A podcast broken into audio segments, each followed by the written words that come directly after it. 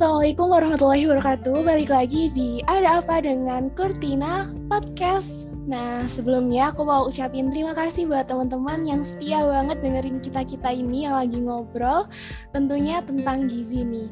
Nah, gak hanya sendirian, aku aja sebagai host podcaster, aku Eka Lintang Asia, tapi aku juga ditemenin sama temen yang kece badai. Pokoknya Masya Allah banget nih materi kita pada malam hari ini. Nah, langsung saja. Halo Kak Haruinda Ajeng, gimana nih kabarnya? Halo Kak Ekel, Alhamdulillah kabarnya baik. Kak Ekel sendiri gimana nih kabarnya? Alhamdulillahirrohmanirrohim, baik dan sehat. Nah, gimana nih semester tujuhnya? Mungkin Kak Ajeng ada hati pikiran yang mau dicerhatin kayak gitu. Wah, mau jujur apa enggak nih jawabnya? Jujur dong ya. Oke, oke. Jujur semester 7 ini benar-benar luar biasa banget sih up and down-nya. Tapi jauh ini alhamdulillah masih aman dan terkendali kok hati dan pikirannya. Masya Allah, Alhamdulillahirrahmanirrahim. Nah, ngomong-ngomong soal topik yang akan kita bahas nih, Kak, mengenai diet golongan darah. Nah, sebenarnya apa sih diet golongan darah itu? Nih, teman-teman yang pada dengerin tuh pada kepo gitu, Kak. Oke, jadi diet golongan darah itu sebenarnya pola pengaturan makan yang meyakini bahwa golongan darah tertentu dapat memberi petunjuk jenis makanan apa yang menyehatkan bagi tubuh e, seseorang. Nah, diet ini itu pertama kali dikenalkan oleh Dr. Peter C. De Adamo pada tahun 1996. Nah, dari materi yang pernah disampaikan oleh Bu Olive waktu kuliah dulu nih, itu ada pun prinsip dari diet golongan darah itu ada beberapa. Itu yang pertama untuk golongan darah A itu dianjurkan untuk diet tinggi serat atau diet yang berasal dari tumbuh-tumbuhan dan tidak mengkonsumsi daging-dagingan merah. Kemudian untuk golongan darah B itu dianjurkan konsumsi makanan dari tumbuhan, daging kecuali ayam dan babi dan konsumsi dairy produk. Kemudian untuk golongan darah AB itu dianjurkan untuk konsumsi seafood, dairy produk, kacang-kacangan, tapi nggak boleh konsumsi kacang merah, daging sapi, ayam, dan jagung-jagungan. Kemudian yang terakhir untuk golongan darah O sendiri itu dianjurkan untuk konsumsi diet yang tinggi protein, terutama dari protein hewani, tinggi buah dan juga tinggi sayur seperti itu.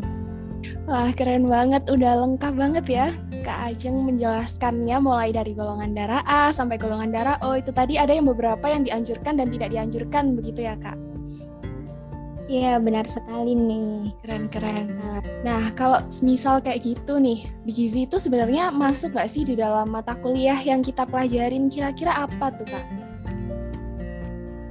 Nah untuk diet golongan darah ini itu kita juga pelajari nih di gizi FKUB terutama dia masuknya ke mata kuliah FBC 2 topik diet populer.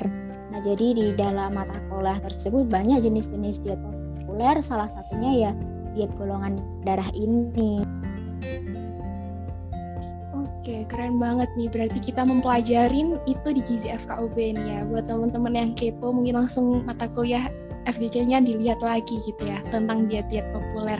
Nah, selanjutnya mengenai fakta nih Kak, fakta di lapangan. Kepercayaan kalau misalnya di era sekarang nih diet golongan darah itu sebenarnya uh, gimana sih pandangan mereka mungkin alasannya gitu mereka melakukan ini atau kepercayaan-kepercayaan lain gitu ada nggak sih kak fakta-faktanya? Oke jadi diet ini tuh sampai sekarang masih jadi kontroversi juga. Nah soalnya uh, si De Adamo itu tadi menyatakan bahwa suatu zat di dalam tubuh yang bernama lektin itu memiliki pengaruh terhadap makanan namun hal tersebut itu sampai sekarang belum ada penelitian yang valid dan yang bisa membuktikan kaitan pemilihan makanan dengan golongan darah ini. Lalu kenapa kok kita harus mengangkat tema ini? Karena di masyarakat itu ternyata masih ada beberapa yang mempercayai diet ini. Jadi mereka beranggapan kalau bahan makanan bahan makanan A itu hanya boleh atau tidak boleh dikonsumsi dikonsumsi oleh golongan darah tertentu seperti itu. Jadi hal ini tuh yang perlu kita luruskan agar tidak ada misinformasi di masyarakat terkait diet golongan darah ini begitu. Wah, keren banget. Alhamdulillah ya. Berarti kita kalau misalnya dengerin podcast ini sama Kak Ajeng tadi diberitahu yang jangan sampai miskonsepsi sampai mispersepsi bahwasanya makanan ini harus golongan darah ini atau makanan ini nggak boleh dimakan golongan darah ini gitu ya. Nanti uh, bisa salah info ya Kak ya. Iya benar sekali bukan salah juga sebenarnya mungkin ada beberapa yang perlu diluruskan lagi. Oke, keren banget nih dari Kak Ajeng. Oke, lanjut ya. Mengenai kepo selanjutnya nih ya. Netizen pada kepo. Lalu gimana sih caranya nyikapin diet ini gitu? Lalu uh, semisal apakah uh, jika dibandingkan dengan diet-diet lain, semisal dibandingkan dengan diet-diet lain seperti diet tinggi energi tinggi protein atau diet Mediterania itu sama atau beda nih Kak sebenarnya? Jadi sebenarnya semua diet itu tujuannya sama yaitu buat menjaga kesehatan tubuh kita dan uh, for your information aja nih ternyata diet Mediterranean itu uh, diet yang berevolusi secara natural berabad-abad tahun yang lalu. Jadi diet ini tuh bukan diet yang diciptakan secara khusus untuk menjaga kesehatan. Tapi balik lagi nih prinsip diet yang dianut atau dijalankan itu seperti apa? Kalau diet golongan darah dibandingkan dengan diet populer lain seperti Mediterranean diet itu dari segi prinsipnya pun sudah berbeda gitu kan dan dari segi validasi penelitiannya juga berbeda di mana tadi udah eh, apa kita bahas bahwa sampai sekarang pun diet golongan darah ini masih belum ada penelitian yang kuat yang benar-benar bisa mendukung diet tersebut. Nah, namun untuk diet Mediterranean sendiri itu untuk saat ini sudah banyak sekali penelitian-penelitian yang sudah tervalid, tervalidasi uh, keakuratannya mungkin ya itu bahwa diet ini itu memiliki dampak yang positif untuk penurunan berat badan dan penyakit jantung begitu. Wow, berarti ini sebenarnya kalau misalnya diet golongan darah masih perlu dikaji ulang gitu ya kak ya penelitian penelitiannya. Iya benar sekali. Jadi uh, sampai saat ini pun masih belum ada gitu penelitian yang bisa membuktikan dari uh, apa yang sudah dinyatakan atau yang ditulis oleh si De Adamo sebagai pencipta diet golongan darah ini. Oke oke, wah keren banget nih teman-teman dapat insight baru ya. Langsung aja ke tujuannya. Sebenarnya kenapa sih uh, diet itu kok di mana-mana itu booming gitu ya kak ya. Nah sebenarnya tujuan melakukan diet sebagian besar orang itu karena apa sih kalau misalnya uh, dalam sudut pandang kak Ajeng nih? Oke, kalau dari pengalaman aku itu biasanya teman-teman atau keluarga atau mungkin uh, orang-orang di sekitar aku itu banyak yang melakukan diet itu untuk menurunkan berat badan itu yang paling banyak sekali.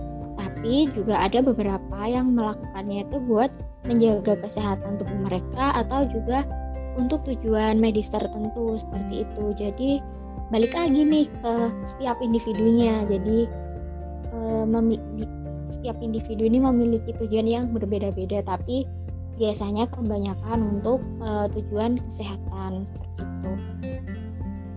Wah keren sih. Ini sepertinya uh, ada diet-diet tertentu yang penyakit gitu ya kak ya. Mungkin ada yang harus dilakukan. Ya, benar sekali tuh. Keren-keren. Oke, lanjut ke cara nyikapinnya. Kalau misalnya di diet ini kan udah digambarkan dengan jelas ya tadi oleh Kak Ajeng, mulai dari uh, yang diperbolehkan, ada juga belum ada penelitiannya. Nah, sebenarnya cara nyikapin diet ini tuh gimana sih dan apa hal-hal yang perlu dipersiapin kayak gitu? Oke, yang pertama nih, apa aja sih yang harus uh, kita sikapi kalau kita menemukan diet-diet baru gitu. Itu cek dulu kebenarannya jika ada diet-diet baru. Jadi jangan langsung ditelan mentah-mentah semua informasinya. Cek kebenarannya itu bisa melalui sumber yang terpercaya seperti jurnal penelitian atau website resmi dari Kemenkes atau langsung bisa juga tanya ke ahlinya. Dalam hal ini berarti kita harus tanya ke ahli gizi. Nah kemudian jika kita ingin melakukan diet itu lakukan saja diet yang sudah jelas dan aman dan sudah disesuaikan juga dengan kebutuhan masyarakat Indonesia. Nah ini tuh bisa merujuk pada pedoman gizi seimbang yang dikeluarkan oleh Kemenkes RI kita. Jadi kita sendiri pun juga ada diet gitu. Jadi lebih ke pengaturan gizi seimbangnya gimana. Nah mungkin nanti buat teman-teman bisa kepo-kepoin tuh website resmi Kemenkes cari pedoman gizi seimbang. Nah itu juga bisa untuk diterapkan. Kemudian yang terakhir yang perlu kita sadari bahwa setiap individu itu unik dan berbeda.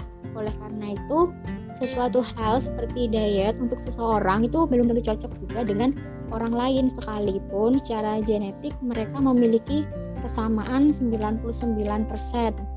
Nah, oleh karena itu penting untuk melakukan konsultasi kepada ahlinya yaitu ahli gizi terkait gimana sih cara penerapan diet dan bagaimana eh, diet yang agar aman dan tetap sesuai dengan kebutuhan tubuh kita. Jadi jangan sampai niat awal untuk menjaga kesehatan tubuh namun malah berakhir menambah masalah kesehatan baru karena salah pengimplementasian diet tersebut. Masya Allah itu tadi udah dikasih tipsnya ya sama Kak Ajeng berarti bisa langsung dikembalikan ke ahlinya kayak gitu ya Kak ya? Ya benar sekali bisa langsung tanya ke ahlinya. Wah keren banget pasti teman-teman yang lagi dengerin podcast ini langsung menggebu-gebu nih pengen ke ahli gizi nih buat lihat dietnya spesial seperti apa gitu yang cocok bagi dirinya sendiri. Oke, karena ini langsung ke pertanyaan yang lumayan seru nih. Pengalamannya Kak Ajeng selama menjadi mahasiswa gizi FKUB, kira-kira yang paling berkesan selama menjadi mahasiswa gizi FKUB nih Kak, apa nih? Mungkin bisa diceritain. Oke, jadi kalau pengalaman selama jadi mahasiswa gizi itu sebenarnya banyak banget gitu ya. Tapi ada satu nih yang menarik apalagi terkait uh, topik yang kita bahas pada kesempatan kali ini. Nah, jadi tuh pernah dapat cerita dari seseorang kebetulan pas itu lagi dapat tugas buat sharing-sharing terkait uh, masalah gizi begitu. Nah, beliau ini bertanya, gimana sih kaitannya uh, diet golongan darah ini? Soalnya beliau itu cerita kalau beliau makan bahan makanan A itu tidak apa-apa, tapi temannya dengan masalah kesehatan yang sama juga memakan bahan makanan A itu jadi kenapa-kenapa gitu. Dan sebaliknya kalau temannya makan bahan makanan B itu nggak apa-apa, tapi jika dikonsumsi sama beliau itu jadi kenapa-kenapa. Nah terus eh, apakah ini ada kaitannya sama diet golongan darah seperti itu? Jadi dari situ aku sadar gitu bahwa ternyata di masyarakat kita ini masih banyak gitu diet-diet populer yang dipercaya atau mungkin bahkan dianut gitu ya. Dan apalagi kita sebagai mahasiswa gizi khususnya itu memiliki peran sebagai agent of change untuk membantu mengubah atau meluruskan misinformasi gizi yang ada di masyarakat atau yang ada di lingkungan sekitar kita. Jadi biar nggak semakin salah nih informasi dan uh, apa informasi-informasi gizi di lingkungan kita. Kadang banyak kan terkait mitos-mitos seputar gizi yang berada di lingkungan. Kayak gitu. Keren keren keren. Berarti ini langsung di lapangannya terkait problem yang kita bahas. Keren banget sih kak.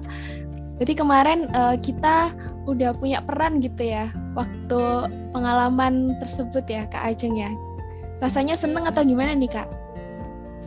Wah, seneng banget juga bisa berbagi uh, pengetahuan yang sudah kita dapat selama kuliah. Jadi ada manfaatnya juga. Kayak kayak apa ya? Berasa seneng gitu bisa berbagi uh, informasi yang kita bisa dapatkan dan mungkin apa ya nggak semua orang bisa langsung mendapatkan gitu kan ya jadi ya merasa jadi lebih berguna aja gitu sebagai mahasiswa apalagi selama dari bener bener bener oke ini kalau misalnya kita bahas tentang topik tadi udah keren banget nih Kak Ajeng nyampeinnya mulai dari awal sampai akhir tadi. Nah ini kan karena podcastnya Kurtina nih Kak ya, podcastnya ADC. Nah sebenarnya apa sih yang pengen disampaikan ke teman-teman Gizi FKUB khususnya Kurtina yang lagi dengerin podcast ini nih? Nah buat teman-teman Kurtinaku semuanya, semangat ya semester tuanya. Memang bikin lelah dan tidak mudah untuk dilewati tapi aku percaya kok kita semua pasti bisa menjalaninya dengan cara kita sendiri. Semangat buat ikom PKNM dan tugas akhirnya. Semester 7 tinggal satu bulan lagi loh ini. Jadi jangan kasih kendor gas terus sampai kita bisa lulus bareng-bareng tahun depan. Amin. amin. Masya Allah. Amin amin ya rabbal alamin. Oke, terima kasih Kak Harwina Ajeng atas pemaparan materinya, kesan-kesannya. Pokoknya keren banget nih. Oke, terima kasih juga lo udah dikasih kesempatan sudah diundang buat bantu mengisi atau kita sharing-sharing terkait topik uh, diet populer yang ada di. Oke, sama-sama nih Kak. Oke teman-teman, mohon maaf ya jika laun tadi ada beberapa salah kata atau uh, yang mungkin tidak berkenan untuk didengarkan. Mohon maaf ya teman-teman. Nah, jangan lupa juga tetap pantengin, stay tune Ikom Gizi 2021 podcastnya juga di Spotify. Teman-teman langsung bisa dengerin ya di link bio-nya Instagramnya Ikom Gizi. Dan wassalamualaikum warahmatullahi wabarakatuh.